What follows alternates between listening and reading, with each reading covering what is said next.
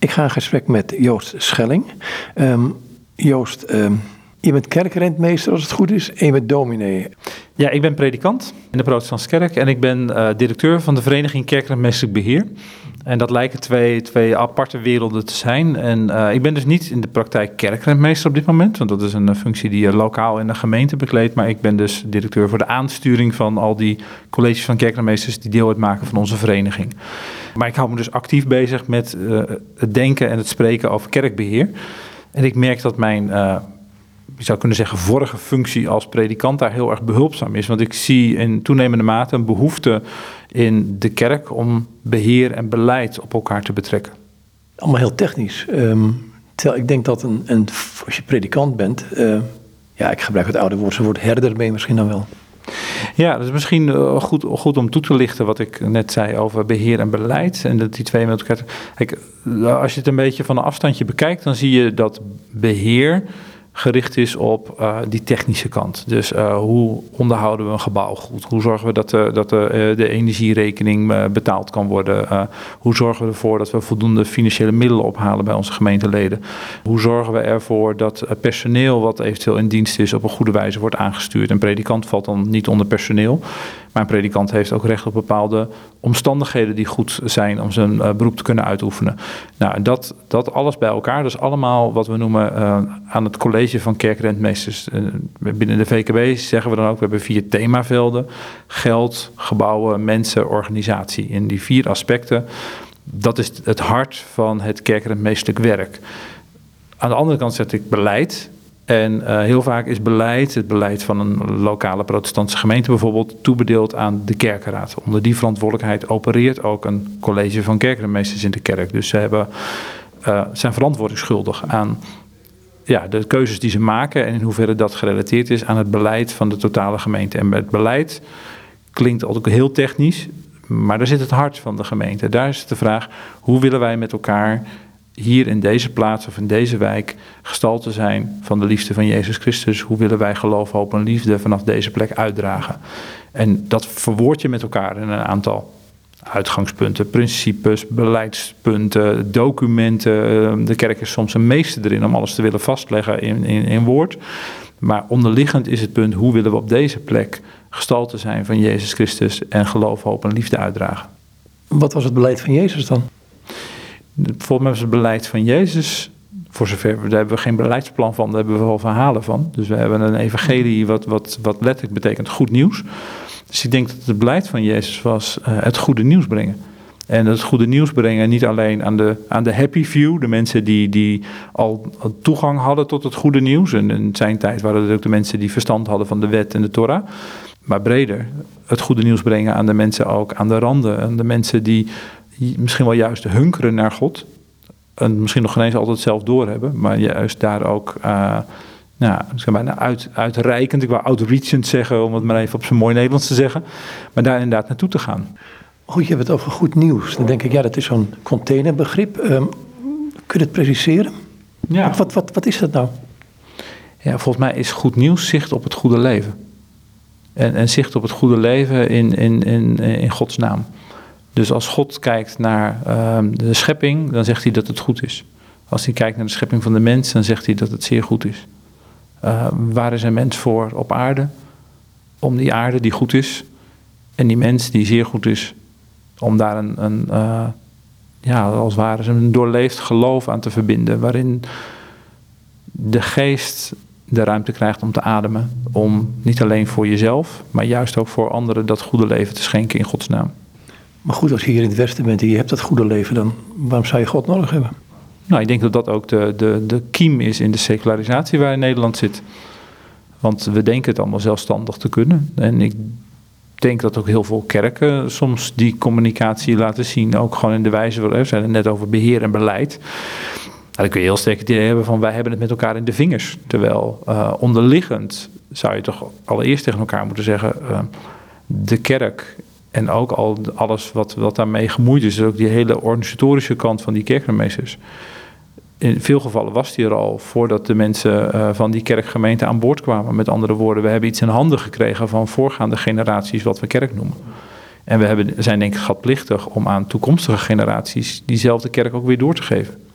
En diezelfde kerk betekent dan, hoe zijn we op deze plek gestalte van de liefde van God? En hoe zijn we, uh, dragen we hier geloof, hoop en liefde uit? Dat is wat anders dan dat we het model, de vereniging en alles wat daaromheen zit onveranderd mogen laten en doorgeven, omdat dat als model doorgegeven zou moeten worden.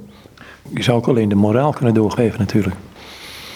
We hadden het net over secularisatie en wat daar gebeurd is. Ik denk dat wij uh, uh, dat de buitenstaande, de kerk ook vooral ziet en kent van die moraal. In positieve en in negatieve zin. En ik bouw met twee elementen op. Ik denk dat de kerk in negatieve zin bekend is van het vingertje. Datgene wat je niet mag. Of dat nou in naam van het geloof is, of meneer pastoor, of de dominee, of vul het maar in. Maar dat is heel erg het beeld. Je mag vooral dingen niet van de kerk, of zelfs van het geloof. En de positieve kant van de moraal kent men ook. Namelijk als je aan iemand op straat vraagt wat is de betekenis van de kerk of de waarde van de kerk. En we hebben het vorig jaar in het kader van de actie Kerkplan bijvoorbeeld ook, ook gevraagd. Wat is eigenlijk, wat hoop je op, waar hoop je op, uh, uh, waar een kerk op acteert in de tijden van crisis? Dan zeggen mensen, buitenstaanders, kerk is er voor mensen die eenzaam zijn, mensen die te weinig hebben. Een kerk is een plek waar men om niet uh, mensen toelaat, waarin uh, ingezameld wordt voor een voedselbank of voor mensen die uh, gewoon te weinig hebben. Kortom, ik denk dat maatschappelijk mensen de kerk ook vooral qua moraal zien aan die positieve kant. En het soms de kerk opleggen dat ze dit gaan doen. Nou ja, het gemak zit natuurlijk in een terugtrekkende overheid. Dat de terugtrekkende overheid dat natuurlijk wel een fijn gegeven vindt. We, hebben, we hebben in de jaren negentig eerst gezien dat die overheid alles naar zich toe getrokken heeft. En uh, niet alleen kerken, maar ook buurthuizen en allerlei andere instanties, uh, als ware ze hem zich afgeschaald heeft. Om vervolgens nu tot de conclusie te komen. We hebben wel heel veel aan dat maatschappelijk middenveld uh, eruit gesloopt. Nou, nou, dan zou het fijn zijn als het maatschappelijk middenveld zijn rol oppakt. Nou, ik ben in mijn dagelijks leven naast directeur van de VKB ook voorzitter van Schuld op Maatje Nederland.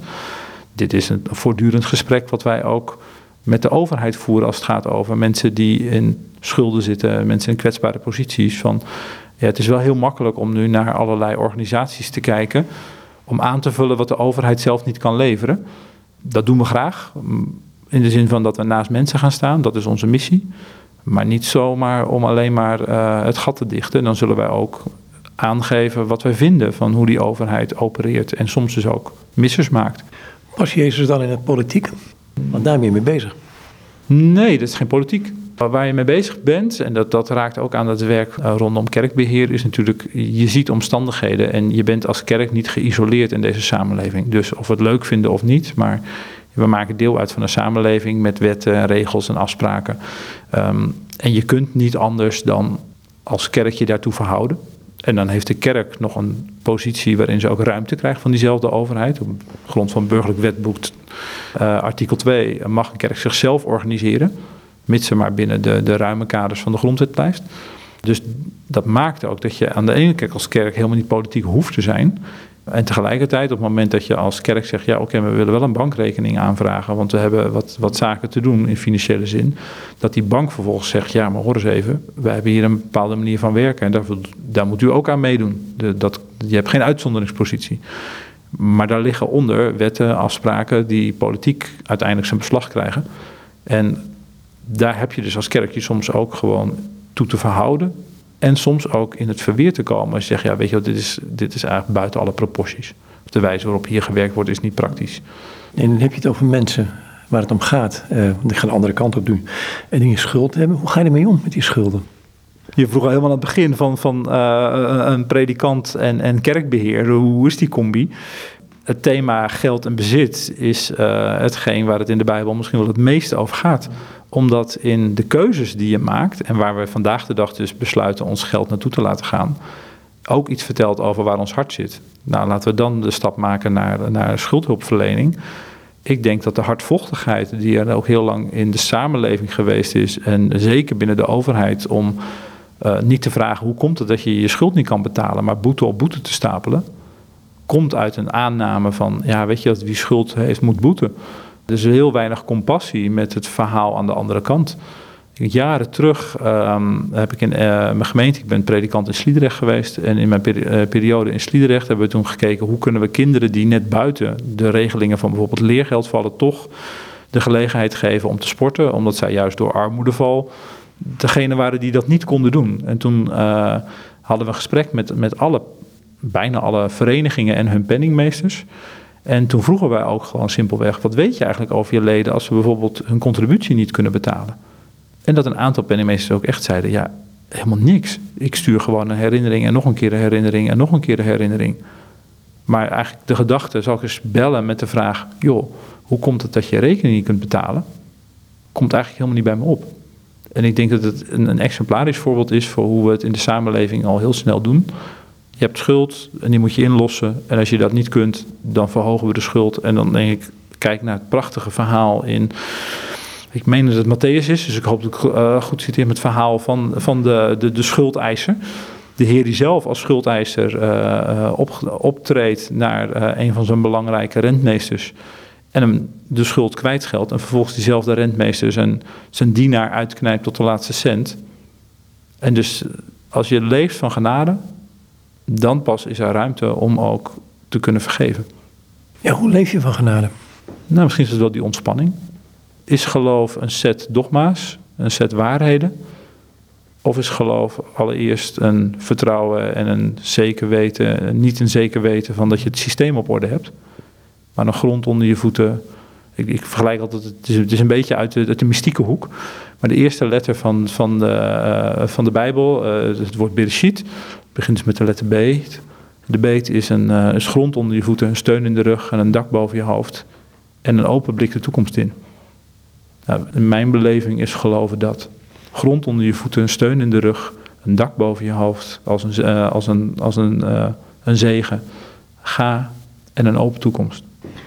Heeft het ook te maken met um, hoe zie je dat in jouw relatie met God? Uh, we hadden het voorgesprek even over um, de, de icoon van Rubeljev.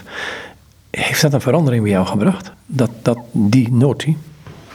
Ja, mijn, mijn uh, diepe verandering als christen, dus eigenlijk het heeft het meest vorm gekregen in de bezoeken die ik heb gebracht in het verleden aan de ecumenische uh, kloostergemeenschap in Terzee in Frankrijk. Daar neemt het icoon van Rubiev ook een hele belangrijke plek in. Je ziet de tafel, je ziet de drie mannen, gestalten, engelen. Uh, het, is, het, is, heel open uh, hoe je de, de, de, setting kunt, kunt toebedelen. Het is de drievuldigheid, zijn het de drie mensen die op bezoek zijn bij Abraham. Het is de hele ruimte die je, die je, uh, die je ziet. Maar het meest bijzondere aan, aan die icoon vind ik... je ziet drie mensen aan tafel, je ziet ze in gelijkwaardige positie tot elkaar. Maar de plek waar jij zelf bent op dat moment, hoe jij naar de icoon kijkt. Je wordt uitgenodigd. Sterker nog, je zit eigenlijk bij ze aan tafel. Ik ben heel erg gecharmeerd geraakt van de, eh, de, de, de ecumenische beweging van de zee, omdat daar ten diepste de motivatie een rol speelt. Wij zijn vol van de liefde van Christus, maar het is een uitnodigende liefde. Dus geen eisen aan de voorkant, maar vooral herken je in het verlangen om in die beweging te komen van die uh, liefde van Christus. Die over kerkmuren heen gaat, over, maar die Christus echt centraal stelt. Was het een confrontatie met jezelf? Nou, confrontatie met mezelf. Nou, ik ben iemand die ook graag controle heeft. Dus ik bedoel, ik, heb graag controle. En de confrontatie met mezelf is natuurlijk wel geweest dat je op het moment dat je gaat leven vanuit ontspanning, genade, dat dat dus ook betekent dat je moet leren controle uit handen te geven. En volgens mij is dat uiteindelijk de kern. Ik, ik vind altijd heel mooi het beeld dat, volgens mij is het Kierkegaard, die het beeld van de overgave, de sprong. Geloven is een sprong. In vertrouwen dat je, dat je, uh, dat je goed terechtkomt. Maar het is ergens een sprong. Het is ergens iets loslaten van je eigen, eigen regie. En in handen leggen van, van, van God zelf. En dat is ook wel het aspect wat ik belangrijk vind om in mijn werk nu, in deze rol, en zeker ook richting kerkmeesters mee te geven. Wij zijn erg van cijfers en we zijn erg van planningen en, en van, van nadenken over, oké, waar gaat het heen in de toekomst? En we extrapoleren ook erg de, de, alle, alle gegevens en denk dat het heel goed is. Ik geloof ook echt in het adagium meten is weten. En tegelijkertijd is er ergens in al dat becijferen en nadenken over die toekomst ook de ontspanning, maar het is uw kerk. Ik zat laatst met een directeur van een, van een organisatie aan tafel. Of een CEO heet het tegenwoordig. En die zei van ja, we hebben zo de neiging om plannen te maken en dan vragen of de Heer het wil zegenen. Maar ik ben aan het leren, of ik heb geleerd, dat het meer is aan het begin van de vergadering. Heer, wat wilt u? Nou ja, dat is wel waar we als kerk nog wel een weg in te gaan hebben. Ik denk, het is heel erg verschillend per, per kerkgenootschap en, en richting binnen datzelfde kerkgenootschap. Als ik kijk, ik ken, ik waar het eerste half uur gesproken wordt over uh, een bijbelverhaal met elkaar, ook echt een geloofsgesprek plaatsvindt. Maar waarna na een uur soms ook gewoon, uh, net als bij elke andere groep, gedoe en spanningen kunnen zijn, wat helemaal niks meer te maken heeft met die eerste, eerste half uur wat je met elkaar gevoerd hebt. Uh, tegelijkertijd, ik zie ook gemeenten waar men nog net even snel een gebedje doet en dan gewoon een, een agenda van, van 14 punten aan het afwerken is wat is goed, wat is niet goed? Volgens mij gaat het erom van ben je er bewust van? En soms helpt het dus door dat ook gewoon te markeren met een opening, met een stuk lezen, met elkaar bidden, het geloofsgesprek voeren. Ben je er bewust van dat je eh, en een organisatie bent, een kerk, die lijkt op een vereniging en, en gewoon dus te maken heeft met wet en regelgeving gewoon in de, in de Nederlandse situatie. Maar ben je tegelijkertijd ook kerk en ben je geloofsgemeenschap en uh, ben je dus ook een geestelijke dimensie. En die twee moeten we niet tegenover elkaar zetten. En die moeten we volgens mij constant met elkaar proberen te verbinden. Ja, hoe doe je dat? Nou, door dat misschien gewoon allereerst maar eens te benoemen. We hadden in het voorgesprek de situatie van, ik denk dat kerken worstelen wel eens met hun positie. Van, van uh, nou, we zijn al zoveel jaar met elkaar een dorpsgemeente uh, in een willekeurige plaats. En, en nou, elk jaar vallen er een paar mensen af. Om natuurlijk verloop, mensen die verhuizen. Uh, er komt bijna niemand bij. En als er iemand bij komt, dan wordt diegene bijna, nou ja, als het niet uitkijkt, omarmd, doodgeknuffeld. Want hoera, we, maar die, die, het is de vraag zelfs of diegene ook zich meteen thuis voelt in zo'n groep die al heel lang met elkaar optrekt. In die groep zitten natuurlijk ook allerlei ongeschreven regels, omgangsvormen, afspraken. En als jij nieuw bent in het geloof of je bent nieuw in een plaats, die ken je nog niet. En die ga je ontdekken. Maar als je alleen bent, en je eigenlijk alleen maar de boodschap krijgt, ja, word zoals ons, dat gaat heel vaak niet goed. En het verlangen is heel sterk om nieuwe mensen te bereiken en nieuwe groepen aan te boren. En heel veel kerken hebben eh, heel veel tijd en energie gestopt in het, in het jeugdwerk bijvoorbeeld, om daar dan te hopen. Dan gaan die straks zeggen, in de kerk de plek overnemen. Maar we hebben die jongeren eerst verteld dat het goed is om aan hun eigen geloof te werken. En dat hebben we op aparte plekken gedaan, in een jeugdwerk, in een JV of in een, eh, een activiteit, een categorisatie. Om vervolgens hen vanaf hun achttiende te vragen of ze nu in de kerkbank komen zitten en mee te doen op een manier die eigenlijk helemaal niet bij hen past, maar die we ze ook de afgelopen vijf, zes jaar dan in het jeugdwerk niet geleerd hebben, dat dat bij het geloof hoort. Dus ja, dat botst met elkaar. En dat botst, dat, dat zien dat dat botst, dat kan eigenlijk alleen maar door en die geestelijke dimensie in beeld te brengen, maar ook gewoon die sociale en sociologische component die een kerk is. Ik zeg al, ik, ik ben niet zo'n voorstander van het woord kerk. Ik gebruik liever het woord geloofsgemeenschap, omdat je daarmee die twee aspecten meteen laat zien. Het, is, het gaat om het geloof. We zijn geen voetbalvereniging. En het gaat om onderlinge gemeenschap. En dat betekent dat we dus een groep zijn met alle groepsdynamiek die daarbij hoort. Je bent directeur van de VKB.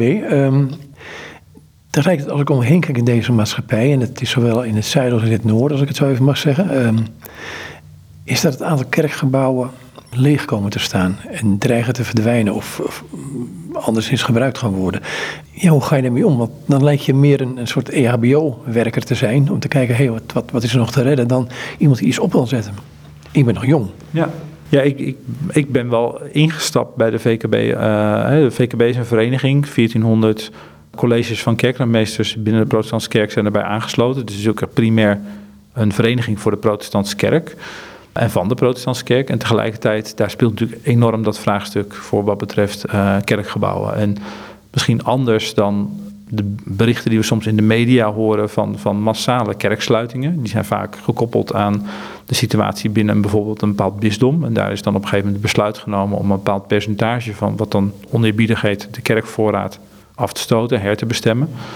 Nou, en dat speelt een protestantse kerk natuurlijk ook, alleen het is veel minder zichtbaar, omdat het ownership, de eigenaarschap van de lokale kerkgemeente, ook lokaal ligt in de protestantse kerk. Dus het zijn er telkens één of twee en, en dat haalt natuurlijk de krant niet uh, in plaats van twintig tegelijk.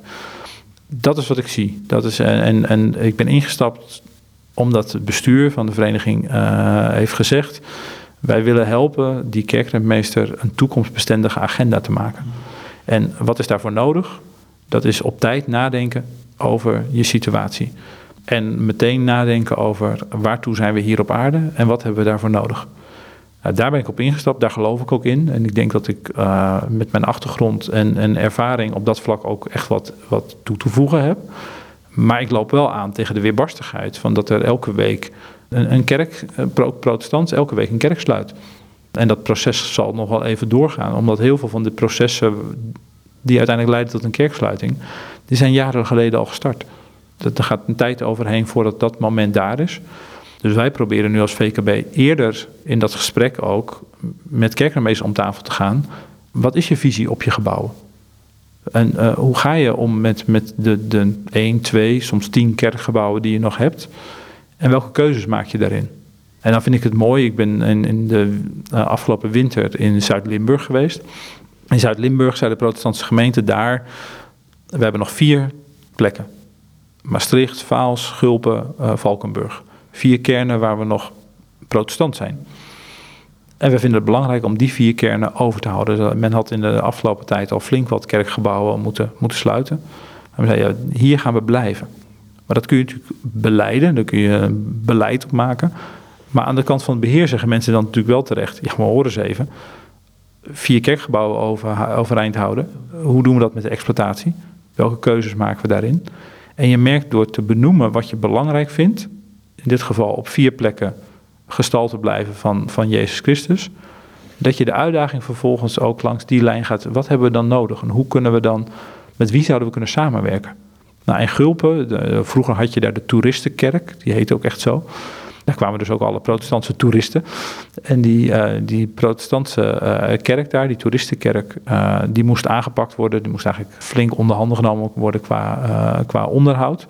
En in een, een, gesprek wat er was tussen een kerkenmeester en een wethouder rondom de centrumvisie van de plaats Schulpen, kwamen ze met elkaar aan de praat. En toen dat verlangen van, van die kerkenmeester gedeeld was met die wethouder, toen zei die wethouder, maar ik heb een verenigingsgebouw staan en dat is eigenlijk ook gewoon in een hartstikke slechte staat.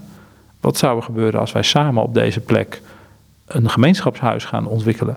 Waar je kerk kunt zijn en waar je gemeenschap kunt zijn. Ja, die staat er nu en dat uh, functioneert fantastisch. Maar het mooie is, die kerk heeft weer een onderkomen waar ze energie-neutraal de komende jaren kerk kunnen zijn. En de, uh, de lokale gemeente heeft met hulp van die kerk het verenigingsleven een enorme boost uh, kunnen geven. En in dat soort allianties geloof ik wel. En ik, je vroeg daar straks, wat, is nou de, ja, wat was nou het beleid van Jezus? Volgens mij is het beleid van Jezus altijd opgericht geweest eerder samen dan, dan ieder apart. Maar samen heeft tegenwoordig een soort, een, voor mij bijna een negatieve klank gekregen. Want, want alles wat je tegenwoordig door de brievenbus krijgt of via de e-mail krijgt, van wat voor uh, situaties ook, het gaat vooral om samen. Denk, ja, uh, het kan ook te ver gaan. Net zo goed als je in de tijd de groene banken had. Nou, die heb ik wel gezien, maar in het bos. Nou, ik denk dat er, uh, het appelleert aan een verlangen. Volgens mij is het verlangen in de samenleving aanwezig dat we, dat we afscheid misschien wel nemen van de hyperindividualiteit. Dus we hebben gedacht dat we het echt allemaal zelfstandig konden regelen en ieder binnen zijn eigen zuil. Of binnen hè, inmiddels zijn eigen netwerkje. Of, en, we, en we zien dat, dat dan wel jij verantwoordelijk bent om je eigen netwerk in stand te houden. Er is niemand die dat meer voor jou doet. Geen overheid, geen kerk, geen zuil, niemand, jij alleen. En ik denk dat we daar nu ook de gevolgen van zien dat er heel veel mensen aan onderdoor gaan. Dat het gewoon te veel is wat je kunt dragen.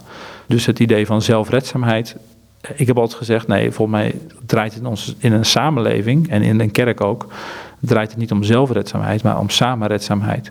Alleen, je bent wel eigenaar zelf van jouw situatie en van jouw vraag.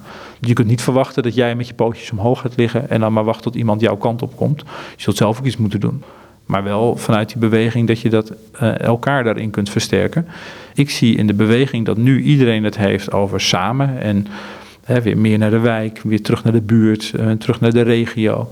Dat het ook, zullen we zeggen, een verlangen uh, weerspiegelt van kunnen we weer terug naar een samenleving waar we ook inderdaad een samenleving zijn en niet ieder voor zich. Maar het ieder voor zich, dat uitzicht voornamelijk in schermpjes op dit moment. Hè? Mensen zijn, als ik in de trein zit of ik sta op het station, ja, ehm, ik weet niet of mensen nog gezicht hebben, ik zie alleen maar scherm. Ja, ik denk dat dat wel een aspect is van deze tijd. En in coronatijd hebben we dat ook gezien. Hè? Dus, dus eh, toen zijn alle kerken achter schermen gegaan, hè? om allerlei redenen dan ook. Dus, dus, Terwijl het niet nodig was. Ja, dat vind ik een lastig. Ik, nou ja, je, je, je, kunt, je kon zelf beslissen hoe je een kerk inrichtte met een veilige afstand, et cetera. Daar had je een kans gehad. Ja, nee, maar dat is ook wel gebeurd. Ik, ik denk, ik denk wat, je, wat je ziet is dat um, kijk, het nadenken over online kerkdiensten, dat, dat was er ook voor corona al. Dus, dus het, toen waren er ook heel veel kerken. Ik heb zelf in een kerk gestaan in Woerden en in Sliedrecht. En in beide kerken liep de discussie. Uh, en trouwens in Sliedrecht waren er al uitzendingen voor corona. Bij beide kerken liep het verlangen ook wel rondom, uh, we willen ook digitaal iets terug kunnen geven. Corona was een soort van, nou ja, weet je, toen moesten heel veel kerken en heel veel kerken zijn ook maar meteen die stap ingaan. Wat, wat wij in Woerden bijvoorbeeld gedaan hebben, was, was uh, op het niveau van de kerkenraad het gesprek voeren. Maar wat betekent dit voor onze geloofsgemeenschap? Dat heel veel mensen nu via het scherm met ons. En, en hoe zorgen we er straks voor dat we ook verbinding met ze houden? En dat als straks de online kerkdiensten voorbij zijn, in de zin van je kunt weer fysiek naar de kerk komen. Ja, dat, dat we ook hebben gewerkt aan het feit dat je gelooft. En dan merk je hoe weerbarstig dat is, want dat scherm wendt. En dat zie ik dus ook bij die communicatie met die jongeren in de trein of anderszins. Men raakt eraan gewend dat je via het scherm kunt communiceren met je vrienden. Dat je daar je nieuws vandaan haalt, dat je daar je gesprekken vandaan haalt. En als je je gesprekken achter een scherm vandaan haalt en daar je als ware je identiteit aan ontleent, zie je de ander die naast jou in de trein zit hooguit als last, omdat hij met zijn filmpje of met zijn communicatie door die van jou heen zit. Maar je ziet hem niet meer als een ander. Want die zit niet in jouw wereld, want jij zit in jouw wereld via dat schermpje. Daar zit een stuk zorg, want, want volgens mij verengt dat je wereld. En laat me een heel simpel voorbeeld noemen. Heel veel jongeren zitten uren achter hun schermpje, achter hun telefoon, maar hebben tegelijkertijd belangst. Als je er een paar tellen over nadenkt, is dat eigenlijk een hele bizarre situatie. Dus ze zitten ongebreideld op hun telefoon, maar waar die ooit voor was, namelijk om mee te kunnen communiceren, te kunnen bellen en elkaar te horen en de gelegenheid te hebben om elkaar ook vragen te stellen, want dan krijg je ook ander type communicatie. Daar zijn ze eigenlijk bang voor geworden. Ja, bedoel je iets wat, wat denk ik in de kerk ook speelt? Um, gewoon het, het, feit dat je met elkaar in contact komt. Ik, ik ga gewoon een raar voorbeeld geven wat ik in, in Frankrijk tegenkwam. Bretagne mensen vanuit Urk die in een gereformeerde protestantse kerk kwamen en nooit in een andere kerk in het dorp kwamen. Maar ook nooit. Ja, zeker niet bij de evangelicalen, ook niet bij die, allemaal hun eigen ding. Toen waren ze in Bretagne en dan kwamen ze in een soort kerk waar alle gezinten bij elkaar kwamen. En ik vroeg alleen maar waarom hier wel en daar niet. Ja, dat weten we eigenlijk niet. Ik herken het heel erg. Ik, uh, uh, ik ga al jaren uh, in de zomermaanden voor op, uh, op Franse campings. Mm -hmm. Dat zijn de campings van, van de RCN. Dat zijn campings waar veel Nederlanders zijn. En waar ze elke zondag ook een kerkdienst hebben. En dan leid ik zo'n kerkdienst. En wat je schetst, zie ik daar, daar altijd gebeuren. Ik zie mensen uit alle richtingen. Protestant, katholiek, evangelisch, uh, christelijk vrijgemaakt, noem maar op. Allemaal uh, lopen ze daar rond. En de eerste, de beste uh, uh, protestantse kerk van eigen soort is honderden kilometers verderop. Dus daar gaan ze niet heen. Dat betekent dat ze eigenlijk twee keuzes hebben. Tegenwoordig drie, laat ik het zo zeggen. Vroeger hadden ze twee keuzes. Of ik blijf bij de tent en ik maak er dan bij de tent iets van. Of ik ga naar die, die, die vrijere dienst of, of andere diensten die ik niet gewend ben. Maar dan zit ik wel tenminste in een kerkdienst waarvan ik de contouren herken. Tegenwoordig is er nog een derde optie. Of ik ga achter mijn tent, achter het scherm zitten en ik ga daar de lokale dienst streamen die op dat moment live gaande is. De meeste kiezen voor de variant, ik ga toch naar die campingdienst. En ervaren dan, ongelooflijk is dit fijn. En we zingen, zingen nog best wel wat liedjes die, die ik ken. En er zijn heel veel mensen die ik ken. En wat leuk, bij de koffie staan we elkaar te praten. Staan we gewoon over, we hebben het over in Frankrijk zijn en eh, dingen uitwisselen. Maar we hebben het juist ook over de preek. En hebben we over wat, wat viel mij op. Wat vonden we eigenlijk van, van de lijn die de, de, voorganger uit, uit de tekst heeft gehaald. En als ik dan met ze praat, ik, heb wel heel vaak gesprekjes, dan merk ik ook dat het, het, het appelleert aan een verlangen waar uh, veel, zeker jongere generaties inmiddels aan toe zijn. Namelijk Zullen we stoppen met alleen maar kijken naar die verschillen en die kerkmuurtjes, maar laten we elkaar opzoeken en, en ik zou bijna zeggen krachten bundelen. En nou, dat, daarom, daarom word ik heel erg enthousiast van een, een plek als de omdat ik daar zie dat daar jongeren overal vandaan uit de hele wereld naartoe komen en elkaar allereerst vinden in dat ze jong zijn en vinden in het feit dat ze zoekend zijn uh, naar Christus in welke vorm dan ook, en, en, intens of minder intens. Daar zit de herkenning op. En ik zie dat terug binnen in mijn werk bij Schuldopmaatje. Wij werken vanaf de start diaconaal uh, in relatie tot, tot de verschillende kerkgenootschappen. Maar die verschillende kerkgenootschappen die zitten ook echt daadwerkelijk aan tafel. En, en daar zitten we met elkaar te kijken. Hoe kunnen we nou mensen die in schulden zitten vanuit onze diaconale roeping en missie eerder beter vinden en ook helpen op een manier die duurzaam is. En we, we zien gewoon dat, dat je dan. De verschillen zijn er natuurlijk tussen verschillende kerken, laten we daar heel helder over zijn. Maar er is zoveel eenheid op het doel en op de missie, dat ze op dat moment secundair zijn. En dat is wat ik op een camping ook ervaar. Ehm, er is geen andere dienst in de buurt die past bij mijn eigen richting. Dus die optie heb ik niet. En dan ontdek je ineens dat het ook prima zonder die, die optie kan. En dat je nog heel veel van die uh, hoogte, breedte, diepte van de liefde van Christus ervaart. Terwijl lokaal kom je weer terug en zit iedereen ook weer in zijn eigen, eigen kerken. Die ook allemaal in stand gehouden moeten worden. En daar voelt ook heel erg, ja, weet je wat, daar voel ik me dan loyaal thuis. En mensen hebben wel uiteindelijk een, een, hebben een dak nodig, hebben een thuis nodig. Dus ik vind het ook helemaal niet erg dat er lokaal zoveel verschillende kerken zijn ik vind het lastiger worden op het moment dat we dan de eenheid van, van het evangelie tegen elkaar aan het uitspelen zijn langs de lijn van al die menselijke eh, kerkgebouwen. Want denk, ja, dat hebben wij bedacht. Dat is, dat is niet uit het evangelie gekomen. We hebben het heel zorgvuldig gekaderd, zodat een ander naar buiten kan blijven. Noem ik het, zeg ik wel eens heel ondeugend. Nou, maar het heeft ook een heel lange functie gehad. Dus, dus, dus um, er zitten, nou ja, dat denk ik je hebt al geproefd, de afgelopen half uur. Ik, ik, ben, ik ben erg van de nuance. En dat, nou ja, ik weet, dat wordt niet altijd gepruimd, alhoewel inmiddels dat ik merk dat, dat we een uh, politiek ook wat mensen krijgen die, die eerder benoemen uh, dat het niet wit of zwart is, maar veel vaker kleurrijk ertussen. Het is dus niet grijs, kleurrijk denk ik. Maar ik vind niet dat je zomaar kunt zeggen dat, dat al die verschillende kerken alleen maar negatief hebben uitgepakt. Want ze hebben, uh, je hebt ook een bepaalde schaalgrootte nodig waarop je gemeenschap kunt zijn. Ik heb heel veel geleerd van, van sociologisch onderzoek, ook al in mijn studie. Ik had godsdienstsociologie als, als een van de vakken. En ik vond dat heel inspirerend om juist ook te kijken naar... Ja, een groep gelovigen is dus ook een sociale factor. Er zijn mensen bij elkaar, dus dat werkt ook gewoon zoals groepen bij elkaar zijn. En dan voor een heel intiem contact, elkaar echt leren kennen... wil je eigenlijk een groep hebben die nou, max 8 tot 12 personen groot is, dan leer je elkaar echt kennen. Dat vind ik de kracht van kringenwerk in de kerk. Als je vervolgens kijkt naar wie ken je waarmee je gewoon een praatje kunt, kunt, kunt hebben, dan zie je vaak dat dat een groep is van 20 tot 50 mensen die je bij de koffie tegenkomt, met wie je dus inderdaad een praatje die je kent en waar je genoeg van weet om een, een, mooi gesprek te hebben. En die kan ineens de diepte ingaan, maar dat hoeft niet. Het kan ook gewoon blijven, hoe is het met de kinderen en red je het een beetje. En dan heb je als het ware de grote groep, 50 tot misschien wel 2000, hè, dat is afhankelijk van type kerk. En dan kun je met elkaar vieren en ervaren, we zijn met elkaar met hetzelfde bezig, of we hebben hetzelfde doel voor ogen, of we hebben hetzelfde verlangen. En daar hoef je elkaar nog geen eens voor te kennen.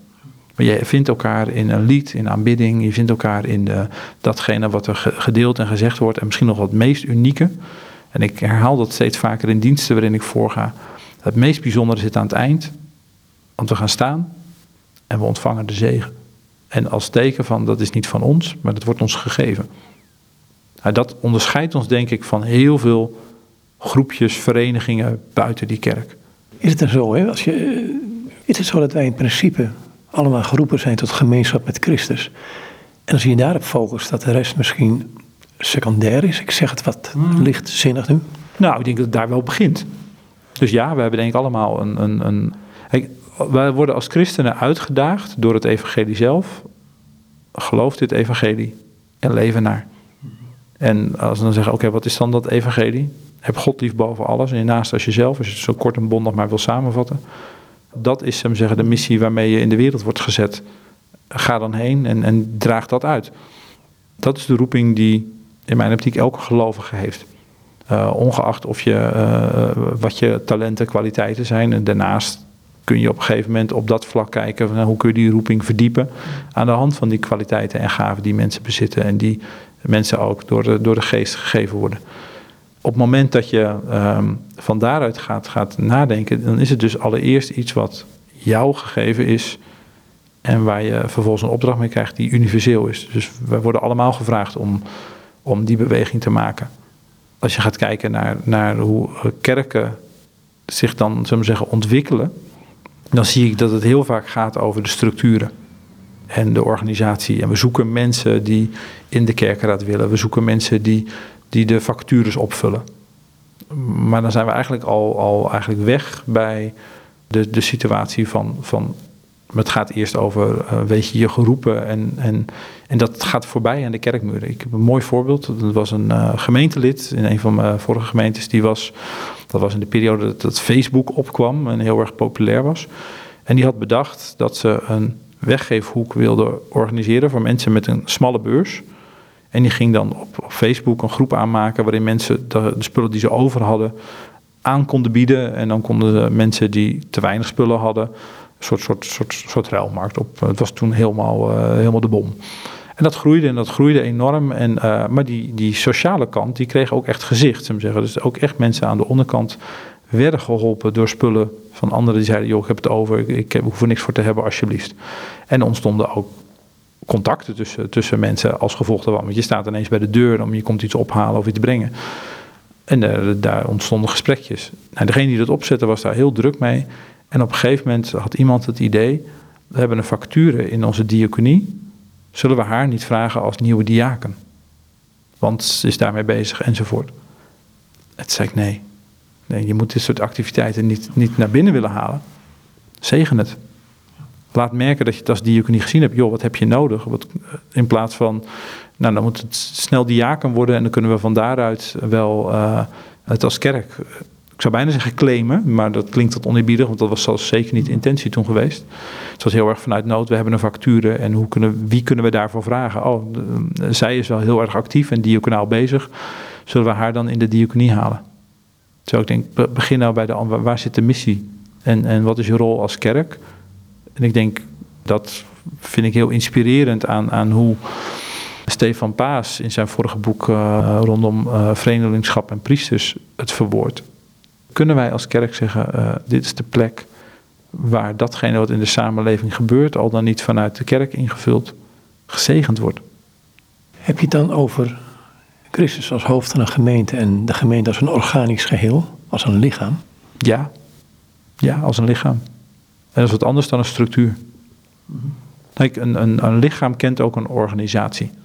Want, want ons hele lichaam staat of valt met hoe de verschillende delen met elkaar samenwerken en functioneren. Dus, dus als mijn hersenen de, de, prikkels niet ontvangen, dan gebeurt er niks met mijn voet. Uh, dus er zit ook een enorm samenspel tussen. Ik denk dat dat nog wel eens vergeten wordt in het, als we het, het snelle beeld van, van uh, Paulus aanhalen. Met, nou, weet je wat, we hebben een oog en een voet en die, die moeten de ruimte krijgen om zelfstandig te opereren. Nee, dat is het niet. Het is een samenspel. Maar dat we gaan zien dat, dat er allerlei kwaliteiten en gaven in de gemeente zitten.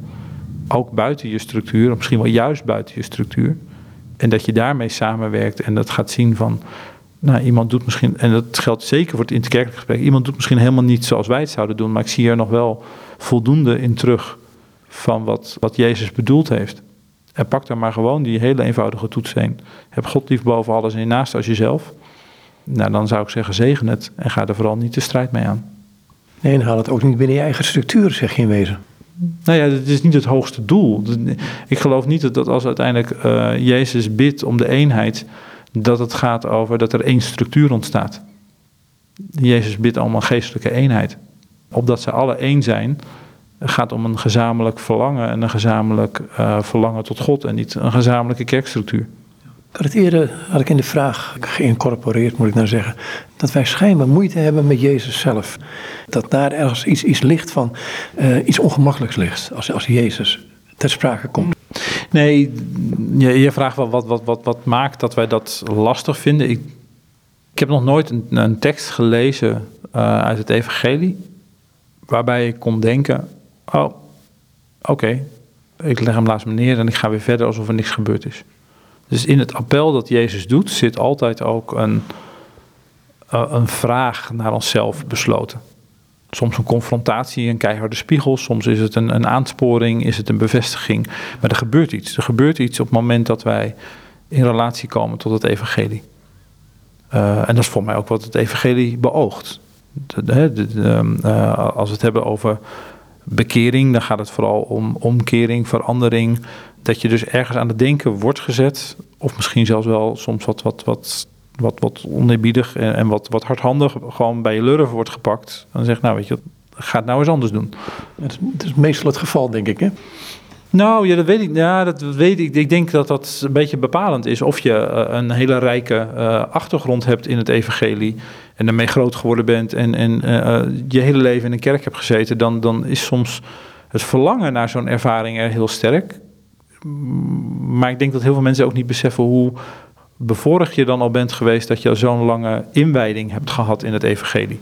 En dan is de vraag, is het nog wel mogelijk om zo'n hele extreme ervaring te ervaren, omdat je al zo lang deel uit hebt gemaakt van, van datzelfde evangelie. Dus, dus uh, met verlangen is natuurlijk nadrukkelijk aanwezig, van, want daar heb je ook iets bij van, oh, maar nu is het echt, of nu, nu, nu ligt het buiten me. En je vroeg net van, ja, wat maakt nou dat we dat zo ingewikkeld vinden? Ik denk dat dat evangelie uiteindelijk steeds weer ons uitdaagt en uh, ons, ons een spiegel voorhoudt. En als je zegt, ja, maar de priester zegt het, of de dominee zegt het, of de kerkenraad vindt het. Ja, dat is een, een soort menselijk construct wat we dan tussen plaatsen. En daar kun je het mee eens en oneens zijn. En je kunt ook zeggen, het zijn ook maar mensen. Ja, wie maakt nou, hè, het zijn ook maar gewoon gelovigen, net als, net als ik. Dus daar kun je een soort van je achter verschuilen ook. En dan, dan is, komt het appel veel minder binnen. Terwijl op het moment dat je ik zou bijna zeggen, recht voor, voor, voor God zelf staat, ja, dan is het ook een rechtstreeks appel. Of misschien wel een rechtstreekse ervaring dat wij inderdaad maar mensen zijn. En we beleiden het wel heel vaak, van nou, we zijn ook maar mensen. Maar wat je daarmee zegt is natuurlijk ook wel, ja, dat maakt ons dus ook kwetsbaar en, en anders ten opzichte van die grote God je bent predikant. Uh, had je daar een roeping voor nodig? Want daar begon dit hele gesprek ook mee. Hè? Um, als predikant heb je een roeping en je doet nu, ben je directeur van. Um, maar ga even naar die roeping toe als predikant. Um, heb je daar een roeping voor nodig? Ja, maar het woord roeping, ik heb, al, ik heb er heel lang mee geworsteld. Dus dat, uh, ik ben in 2004 afgestudeerd als een van de eerste protestantse predikanten notabene. Want het was de kerk gefuseerd, de protestantse kerk. Dus toen kregen wij een papiertje. Ik had de hervormde opleiding gedaan kreeg een papiertje mee dat je protestantse predikant was, of predikant binnen de protestantse kerk. Kerkelijke opleiding gedaan. Maar het heeft bij mij echt heel lang geduurd voordat ik de stap heb gezet naar predikant zijn binnen de kerk. Uiteindelijk pas in uh, eind 2010. En ik heb eerst vijf en een half jaar in het jeugdwerk van de protestantse kerk gewerkt als, uh, als adviseur en teamleider. En gaandeweg ontdekte ik vooral dat, dat ik moeite had met het woord roeping, omdat het ook te maken had met mijn eigen vraag, ja, kan ik het eigenlijk wel? Kan ik wel diegene zijn die dan hm, tegenover de gemeente, namens God, de, de allerlei beelden die, daar, eh, die daaraan kleven, maar kan ik dat eigenlijk wel en zie ik me dat zelf eigenlijk doen, zou ik zeggen. En terwijl mijn verlangen was ooit, ik wil heel graag en met mensen werken en zinvol met mensen werken. Nadenken over de, de, de, de vraag, maar wat is nou het goede leven en hoe kunnen we als, als gelovige groep, kerk, jeugdwerk, maakt niet uit, hoe kunnen we nou dat ook echt laten landen in de harten van mensen? Bij mensen die al hun hele leven in die kerk zitten en bij mensen die nog nooit van kerk of geloof gehoord hadden. Dat was mijn verlangen om, om theologie te gaan studeren. Om, om, om te verdiepen in in Gods woord. En om vervolgens ook te zoeken naar hoe maak ik de verbinding met een samenleving die eigenlijk steeds verder van dat, van dat woord af lijkt te drijven. Uh, althans, in ieder geval toen. Ik heb heel lang gezocht, ja, is de predikant daar wel de meest passende vorm bij? En uiteindelijk ontdekte ik juist door actiever in de kerk rond te lopen en in dat jeugdwerk op allerlei plekken binnen te stappen. Ja, dat kan wel heel goed binnen de kerk, maar ik moest mijn eigen beeld van predikantschap daar eerst voor herijken. Mijn beeld was toch ja, oneerbiedig gezegd, dan sta je op zondag op de kansel in je toga. En dan, dan heb jij de waarheid in pacht. Zo kwam het dan nog wel eens op mij over. En ik dat is helemaal niet een rol die mij past. En ik geloof, ik gaandeweg ook ontdekt, ja, dit is ook helemaal niet de, de rol die een predikant past. Je hebt niet de waarheid en pacht, maar je bent vrijgesteld. Je bent vrijgesteld om, om, omdat er anderen zijn die jou daarin voorzien, in jouw onderhoud voorzien, om het woord van God uit te leggen, uit te dragen, te vertalen naar wat betekent dat voor een gemeenschap die zich vergadert rondom dat woord. Ik heb bij mezelf soms wel het idee van, ehm, stel dat mensen naar je luisteren, dat is ook eng. Ja, nou, vol, volgens mij moet je daar als, uh, als predikant wel een beetje mee kunnen dealen, want je, ja, je wordt natuurlijk uh, gevraagd om tegenover een en, en, tegenover klinkt alsof je frontaal tegenover staat, maar je staat letterlijk uiteindelijk wel tegenover uh, de gemeenschap om het woord te mogen verkondigen. Maar het heeft mij altijd wel de worsteling gehad van oké, wie ben ik dat ik dat dan doen mag? Maar vervolgens als ik dan door die worsteling heen ben en ik heb ook dingen mogen ontdekken, dan vind ik het eigenlijk wel een voorrecht. Vind ik het wel heel mooi om dat te kunnen tonen. En heeft daar, hè, je hebt Thaise genoemd, uh, heeft daar, dat vind ik altijd het fantastisch van al die jongeren die er komen, er is een enorme verstilling. Ja. Nou, ik, ik, ik ken gemeters tegenwoordig, ja, eh, als het een drie seconden stil is, dan mag je je handen klappen bij wijze van spreken. Moet je niet doen, dan wordt het weer lawaai. Maar um, heeft die verstilling en, en uh, misschien gebed daarin, maar ook die verstilling daarin geholpen om te ontdekken wie je bent ten opzichte van God, ook in wat je kunt doen? Ja, en sterker nog, het heeft mij ik heb het nodig gehad ook. Dus, dus, ik heb ook een hele periode gehad waarin ik, nou, net als heel veel mensen, weet je, dat stilte wordt ook eng omdat er niet gesproken wordt. Dus als je niet uitkijkt, ga je maar gewoon weer vullen, want dan is er tenminste iets. Dan word je dus niet bij jezelf bepaald. Het, mooie vind ik aan TC dat, dat die stilte is, is langdurig. Het is een goede kwartier. Mijn beleving, ik ben uh, de laatste keer vorige zomer geweest. Ik heb steeds het idee dat ook in TC langzaam aan de moderniteit zijn plek krijgt. Dus dat die lengte iets korter wordt. Uh, of mijn beleving, mijn concentratie is anders geworden. Maar het krachtige vind ik dat het, het is niet alleen verbonden aan die plaats, het is ook verbonden aan de gemeenschap die dat vormgeeft. En een mooi voorbeeld. In 2010 uh, is er tussen kerst en oud en nieuw Europese jongerenontmoeting in Rotterdam geweest. Dat was een, een grote oploop van TC en ik mocht in de, in de organisatie zitten van, uh, van TC Rotterdam. Toen uit het hoofd van het protestants jeugdwerk. En wij trokken heel intensief met, met broeders op. Heel dichtbij. Dus ze hadden een anti-kraak, hadden ze een, een gelegenheid uh, tegenover Zuidplein. Daar hadden ze een soort klein kantoortje van, van kunnen, kunnen maken. Dus ze zaten vlakbij Ahoy en van daaruit deden ze hun werk. Ik weet nog heel goed dat een van de, van de broeders, die kreeg vlak voor het middaggebed, kreeg hij een telefoontje dat er een, een, een, bij een deelgemeente een, vervoersplan afgekeurd was. En dat had grote impact voor eigenlijk de hele logistiek, tienduizenden jongeren. En, en nou, eigenlijk werd een van de pijlers, werd er de, twee weken voor aanvang, werd er onderuit gehaald, omdat de deelgemeente niet akkoord ging met, met het opstelplan van alle bussen. En ik kreeg dat bericht en, en ik werd er heel goed, zei, we gaan nu eerst bidden. En niet omdat hij wilde bidden voor dit voorval, want dat is dan vaak nog wel een reflex van, nou weet je wat, hè, dat overkomt ons iets erg, dan gaan we nu bidden. Alsof een soort instant, uh, het was twaalf uur, we gaan gewoon bidden. Het is middaggebed. We gaan bidden, we zijn stil. En daarna gaan we met elkaar eten. En om twee uur ging hij rustig een paar telefoontjes doen. En om drie uur was het geregeld. Verstilling is ook een soort zoeken naar een balans die wij uh, dreigen kwijt te raken. En laat ik hem heel dicht bij mezelf houden. Ik ben heel erg een bezig bij. En ik plan het allemaal vol, maar ik plan het vaak vol als een soort van ongemak met de leegte. En waarom, waarom is dat ongemakkelijk? Een leegte heb je geen controle over. Alles wat je in je agenda zet en wat je er allemaal inplant, dan heb je het idee, de praktijk is nooit zo, maar je hebt het idee dat je er regie over hebt. Maar juist de lege plek is een plek die er is, die is er voor jou, maar je hebt daar geen controle op. Is daar die ontmoeting met God ook?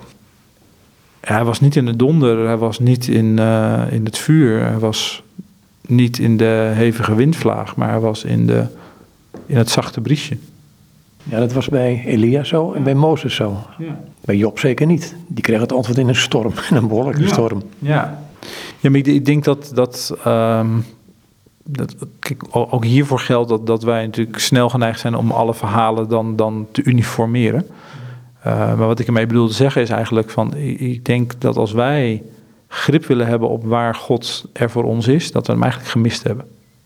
Want dan, ik ben er meerdere keren over gepreekt en dat ging dan over, nou mensen willen vaak een teken of iets, iets ervaren van God. Um, maar de vraag is, als, als het ze zeggen, op een manier tot ons komt die niet voor mensen goed herkenbaar is, of wij het dan wel als een teken zouden ervaren. Dus uh, ik gaf dan eigenlijk een heel eenvoudig voorbeeld. Stel je wordt morgen door de bliksem getroffen. Was dit nou een teken van God of niet? Dat, dat, weten we helemaal niet. Ze zeggen, we willen er ook eigenlijk helemaal niet achter willen komen, want dat heeft dan wel consequenties. Maar dat betekent dus ook dat wij het beeld van wat is een teken van God of een, is dat wij dat vaak uh, heel erg iets, iets maken er iets heel groots van, iets heel, terwijl de meeste communicatie gaat op het, op het horizontale vlak langs mensen. Iemand die zomaar op je pad komt. Iemand die je tot dan toe niet kende, maar op jouw weg wordt gebracht. Wij zeggen, ja, dat valt je toe, of het is toeval. Ja, of, of is het inderdaad die vrije ruimte waarin God zich aan je laat zien? Ik heb steeds minder behoefte om dat te pinpointen, om het maar even heel modern te zeggen. Te zeggen, dat was het wel en dat was het niet. Ik laat het open. Ja, dat kan me heel goed voorstellen. Dan is de vraag dus eigenlijk niet op zijn plek als ik vraag van, wat wil je met het VKB bereiken? Nou ja, je, wat, wat ik hoop en wat ook de verwachting is en waar ik ja tegen heb gezegd toen het bestuur zei, nou wij zien het wel met je zitten. Dat was op de vraag, wil je ons helpen wil je de vereniging helpen om toekomstbestendig kerkbeheer vorm te geven. En daar geloof ik van harte in. En toekomstbestendig betekent dat je, dat je, je hebt, modern gezegd, de, de, de assets van je voorvaderen ontvangen. Gebouwen, middelen, vermogen, landerijen, noem alles maar op. Dus eh, ongelooflijk veel. De kerk is niet arm. Dus we bezitten eh, behoorlijk wat. En, en kun je A, allereerst ervaren dat dat niet iets is wat je zelf verworven hebt. En dat is nog wel een hele toer hoor, om, om dat los te laten. Maar dat het je gegeven is. Je bent ook maar in deze functie als kerkmeester of als kerkenraad gekomen met, met ineens die verantwoordelijkheid onder je hoede. Maar het is je ook gegeven, het is niet jouw verdienste. En vervolgens, wat is er voor nodig om een volgende generatie door te geven dat ze met zorgvuldig beheer van die middelen in staat zijn om op hun manier ook weer gestalte te zijn van Jezus Christus. Mensen hier informatie over willen hebben, uh, jullie hebben een website? Ja, uh, we hebben ook een website, kerknaarmeester.nl. Wat wij doen is uh, daadwerkelijk kerknaarmeesters ondersteunen in hun functioneren. Dus uh, dat betekent dat op de website is een kennisbank. Op de website staan onze magazines, uh, magazine Kerkbeheer, waarin we steeds actuele thema's en ontwikkelingen voor kerkmeesters volgen en teruggeven. Er staat een link naar onze podcast, uh, Collectieve Wijsheid, waarin we altijd met een gast het gesprek aangaan over wat betekent dat nu, kerkbeheer in deze tijd. En, en soms is dat iemand van buiten die als het ware een beetje reflecteert op de situatie. Maar heel vaak is het ook gewoon iemand direct vanuit de praktijk. Let hierop, kijk daar naar. Nou, verduurzaming van kerkgebouwen is bijvoorbeeld een thema wat natuurlijk veelvuldig terugkomt. Um, hoe ga je om met, met het groeiend tekort aan zowel personeel als het groeiend tekort aan vrijwilligers en, en met name bestuurskader. Nou, dat zijn allemaal thema's die, die in zo'n podcast, dat leent het zich uitdrukkelijk voor. We hebben een hele structuur van, van webinars waarin we kennisdeling doen. Dat kan soms in een kleine setting zijn met een paar mensen en dat kan soms met 50 man tegelijk zijn. Um, waar we voor kiezen is heel erg die, zo goed mogelijk zorgen dat die kerkenmeester vandaag en morgen zijn werk kan doen. Zet jij je voor in? Ja, kerkenmeester.nl. Hé, hey, dankjewel. Graag gedaan, dank voor het interview. En dit is Joost Schelling, directeur van de Vereniging Kerk en het Meestelijk Beheer. En we zijn in gesprek over het wel en wee van deze vereniging, maar ook over zijn leven en wat hem bezielt of begeestert om dit werk te doen.